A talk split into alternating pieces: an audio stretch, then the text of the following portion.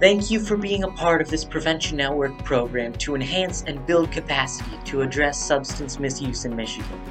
This is Prevention Navigators, a podcast for the SUD prevention workforce.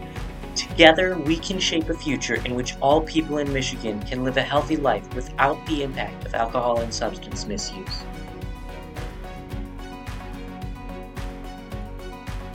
Good morning. My name is Ruth Wendinger, and I get to be a program coordinator with Prevention Network.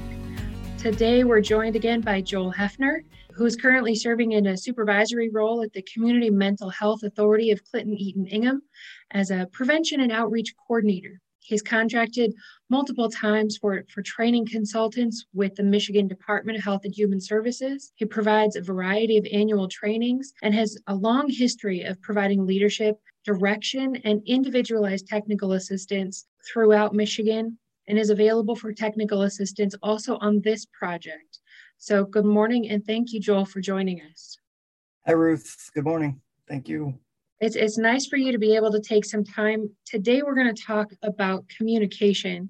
For me, it's really uh, having staff and leadership take a step back and, and considering communication planning overall. So it really helps to have leadership and coalition coordinator staff think of, in a broader lens about their communication efforts as a whole to their entire community, to their stakeholders, to their referral networks, to their uh, system partners.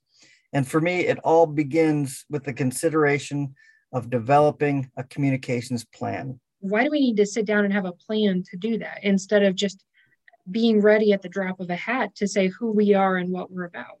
I really appreciate you know the the ask the other question because there's there's multiple reasons. I think the main one is to organize and align our messaging because a lot of the messages we share with different groups are very much connected. Everyone is a referral source potentially of our services. You know, we can tailor messages, we can do a lot of things, but for one, it's organizing and align our messages over time. Uh, for two, it's transitions of staff. I've been around for some time, and for the most part, coalitions and community groups see transitions in staff and leadership almost every two and a half years. And that transitions, those transitions are crucial to survive and sustain the effort. And a communication plan allows you to pick up where you left off, understand what previous coalition members and leadership and staff have done, and enhance, update, edit, or amend that plan going forward. So it's it's a really a, a base of operations for communicating our efforts long term.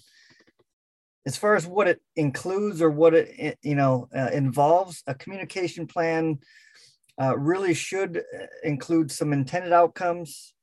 It should include your target audiences, the types of messaging you want to uh, promote. You know, is it about increasing referrals? Is it about awareness of the problem of, of substance use disorder uh, issues in your communities? Is it about increasing potential partnerships? Uh, there's a variety of different messaging uh, that goes on. the delivery methods, what venues, what mediums you're going to utilize in the community. Is it uh, public service announcements? Is it, is it Facebook? Is it Twitter? Is it uh, articles in the newspaper? Is it TV ads? Whatever it may be, radio. There's all different newsletters, email blasts. I mean, you can go on forever surrounding the delivery methods. And then we're talking frequency and duration and responsible parties. And responsible parties can be everyone in the coalition and beyond. Uh, it doesn't just belong on the shoulders of the staff to communicate our efforts. The staff, yes, are the main drivers of that. But if you have a communication plan that's understood by the leadership or by the executive committee or by the full, broader group, those individuals can be empowered to take on a role to communicate your prevention service, your prevention program, your initiative, your effort, whatever it may be, ongoing. The more we empower other people, the less we have to take on ourselves. Exactly and the more right. of a cooperative community based effort it is. And that's important. That it's it's very important. And for me, the best coalitions I interact with, truly, honestly, the best ones are the best at communicating. they excel as communicators. They communicate their brand, their identity, their service to the community in so many ways. And I can speak to those in a lot of, uh, with a lot of specifics, with a lot of uh, practical application tools. I can provide that stuff if folks have questions or within the technical assistance and workshops that'll be ongoing. We get better at communicating over time. And I think a communication plan is a great place to start and we can help uh, folks uh, work through that process. When I was preparing for this conversation, I, I was looking at the SAMHSA website as kind of a go to resource, right? Uh, the Substance Abuse Mental Health Services Administration. And they had just a simple template that included a lot of those points that you mentioned as far as intended outcomes. How are we going to know we've been successful? The target audience. Which sector of the community are we trying to reach or which key stakeholders? The types of messages. You know, what is the focus? What is the, the main point of what we're trying to communicate? The delivery methods, as far as, you know, in, in what mode and what packaging are we going to give this message? The frequency and duration that you mentioned, because it cannot be a one time communication and expect it to be effective. And then finally, that responsible parties. And as you said, anybody and everybody is a potential, you know, messenger for our coalitions, for our task forces, and talking points that you mentioned. We can help people develop their brand, their identity, and identify their service to the community. When we have those three points in prepared talking points for our key stakeholders, for our coalition members, for our community partners, then everybody becomes a messenger and we're not doing it by ourselves. It really goes a long way. And, and again, uh, the coalitions that are well established, they communicate weekly, much more than uh, many coalitions that just think it's the coalition meeting. We communicate, we share some updates after, and we wait till the next uh, monthly meeting uh, in 30 days. Uh, communication can be ongoing, email blasts, you know psas all kinds of facebook uh, communication. Uh, it's just again our capacity resource and readiness to do that. And it's all it's on a multitude of levels. And i support that. I understand that. But we definitely can start formulating a plan that can be shared by others. As you said empower, uh, uh, we're going to empower others to walk with us and be those messengers in sharing the amazing information, resources, service opportunities with our populations. Whose responsibility is it to come up with a communication plan? You, you talked about enhance, update, edit, amend. So I want to know, first of all, whose responsibility is it? And secondly, how often should we be looking at that plan? I would say it does fall on the coalition coordinator and staff. However, an executive committee or the leadership of your coalition can be very much a part of that process. And it's a dialogue. It's a it's a conversation. It can be a one meeting subcommittee executive committee meeting where you're you're kind of talking about these pieces and you're flushing out the contents of a communication plan or the structure of a communi- communications plan. And it can be a one pager it can be a five pager. It doesn't have to be uh, that involved. But the idea is it likely falls on staff uh, to initiate or facilitate that process and include other folks in your coalition that um, may have expertise, may have uh, an interest, or may be in the similar role in their uh, agency. Um, okay. Communications department, uh, uh, outreach, uh, promotions, marketing director, whatever it may be. So when we're having those conversations, that that dialogue, in my experience, oftentimes that happens before people launch a media campaign or a specific outreach.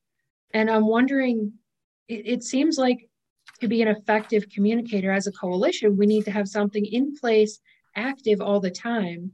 And I'm is that an annual update that we have like a, a yearly focus of, hey, this year we're focusing on suicide prevention or this year we're focusing on methamphetamine or is that something that should be updated every few months i would say yearly is ideal because we're talking about fiscal years and action plans and what the funder is paying for or if you're grant funded uh, through DFC or drug free communities or something else, there is maybe some change in, in strategy or objective based on what you submitted or what was supported.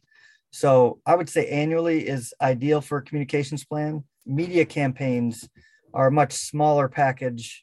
Usually it could be three to five months, three to four months is kind of the ideal what I what I see of social marketing media campaigns. I feel like for media campaigns, I just say this. Those things can be created on a multitude of levels, should involve a general time frame, like I said, three to five months, need a consistent message, an ask or an action, can be no cost, low cost, or very expensive, and should include some pre and post surveying of population perceptions and attitudes, as well as the ability to monitor and track the saturation of messaging over time to some degree. So, those social media marketing campaigns, uh, very valuable, very much uh, needed, uh, but do take a lot of effort uh, to prepare that package and have those uh, the readiness to to complete those those actions.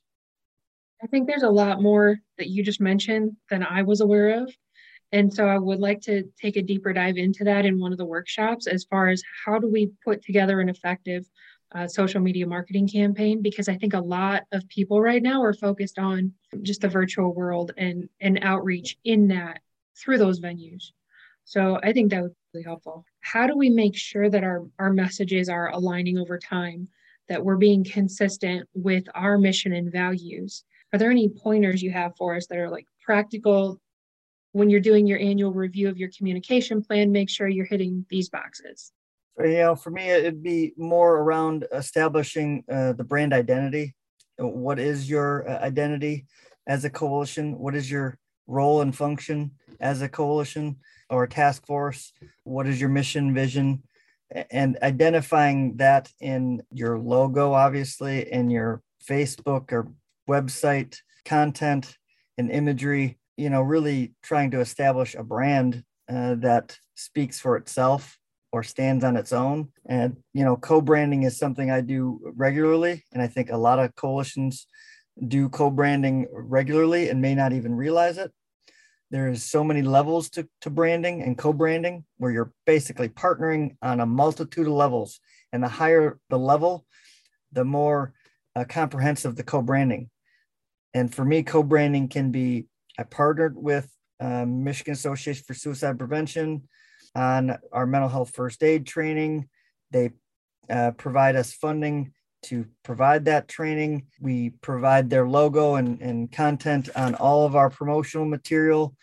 And we have a regularly, an annual um, agreement to continue this pathway. So th- there's so many levels and it can go farther than that uh, to the nth degree.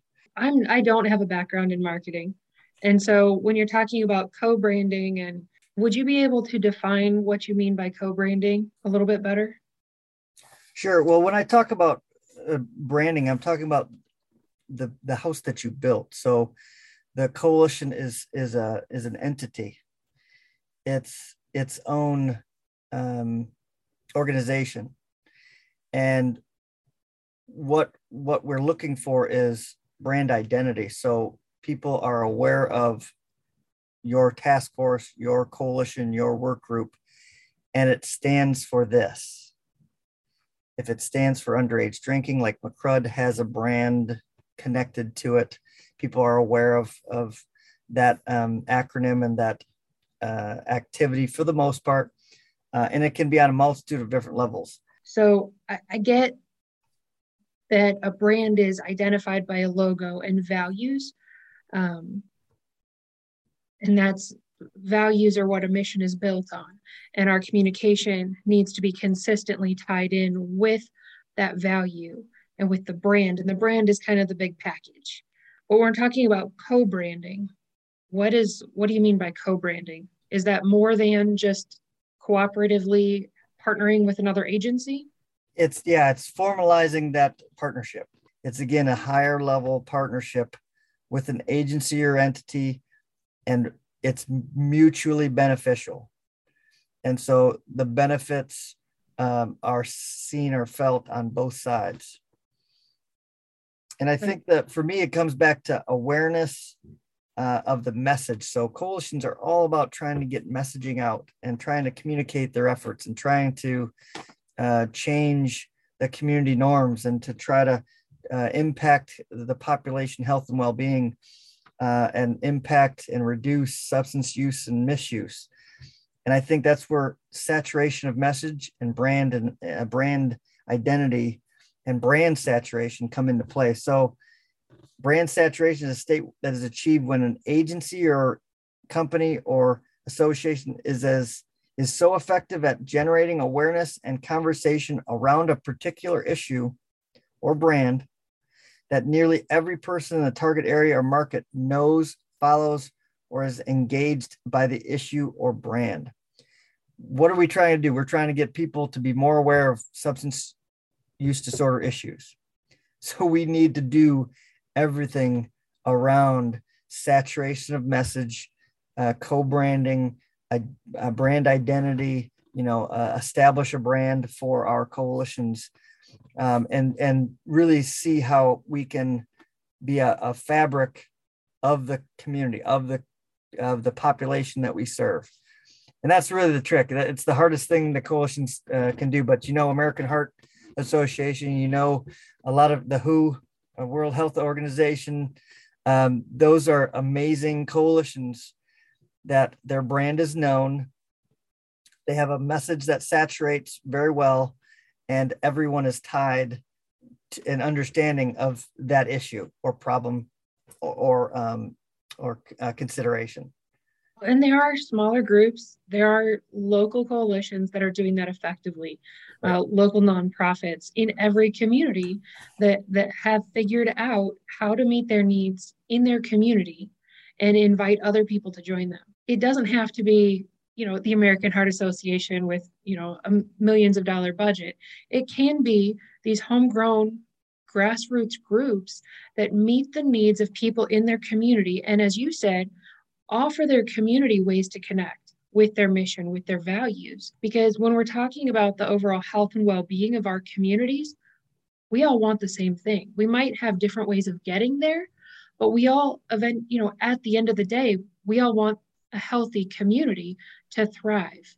And when we reach out and we invite other people um, to co brand with us, to partner with us in different ways, we're being mutually beneficial in meeting their needs and recognizing that we're on the same road. We want to get to the same place.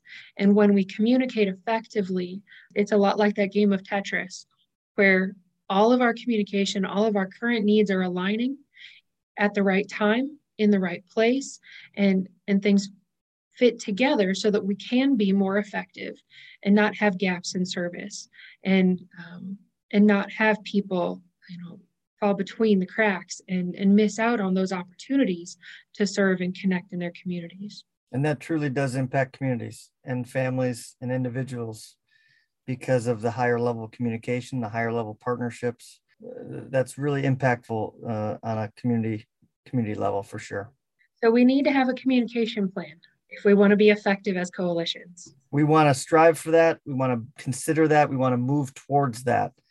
Uh, it may take some technical assistance. It may take some time and effort of, from leadership to be involved. It may take, you know, a, a few months to to compile and to work through uh, computer communication plan development. But it's very worthwhile and will be a template, uh, a basis for action uh, over time. And that really helps with staff transitions, with leadership transitions. If we have a template in place, we have this work plan, or if you even if you get another grant or get some additional funding, you're you're able to expand on your communication plan that's currently existing, or do some things that you weren't be able able to do before. Uh, it, it, really gives you a lot of uh, leeway for however the coalition grows and sustains itself over time. Thank you so much, Joel. I really appreciate you taking the time to go over communication planning with us today, along with the other insights you shared. You'll be around to visit with us for, for workshops and provide some technical assistance over the over the next several weeks. Thank you very much for walking us through some of that. My pleasure, Ruth. Thank you. We'll see everyone at the workshops hopefully, and thanks again for the time. We invite you to respond by getting connected, subscribe and listen, visit our online community, contact Ruth to participate in workshops, or request one on one guidance about this month's topic. Email Ruth at ruths at preventionnetwork.org or call 517 393 6890. Thank you so much for your contributions to shape the future through prevention. This has been Prevention Navigators, a Prevention Network program.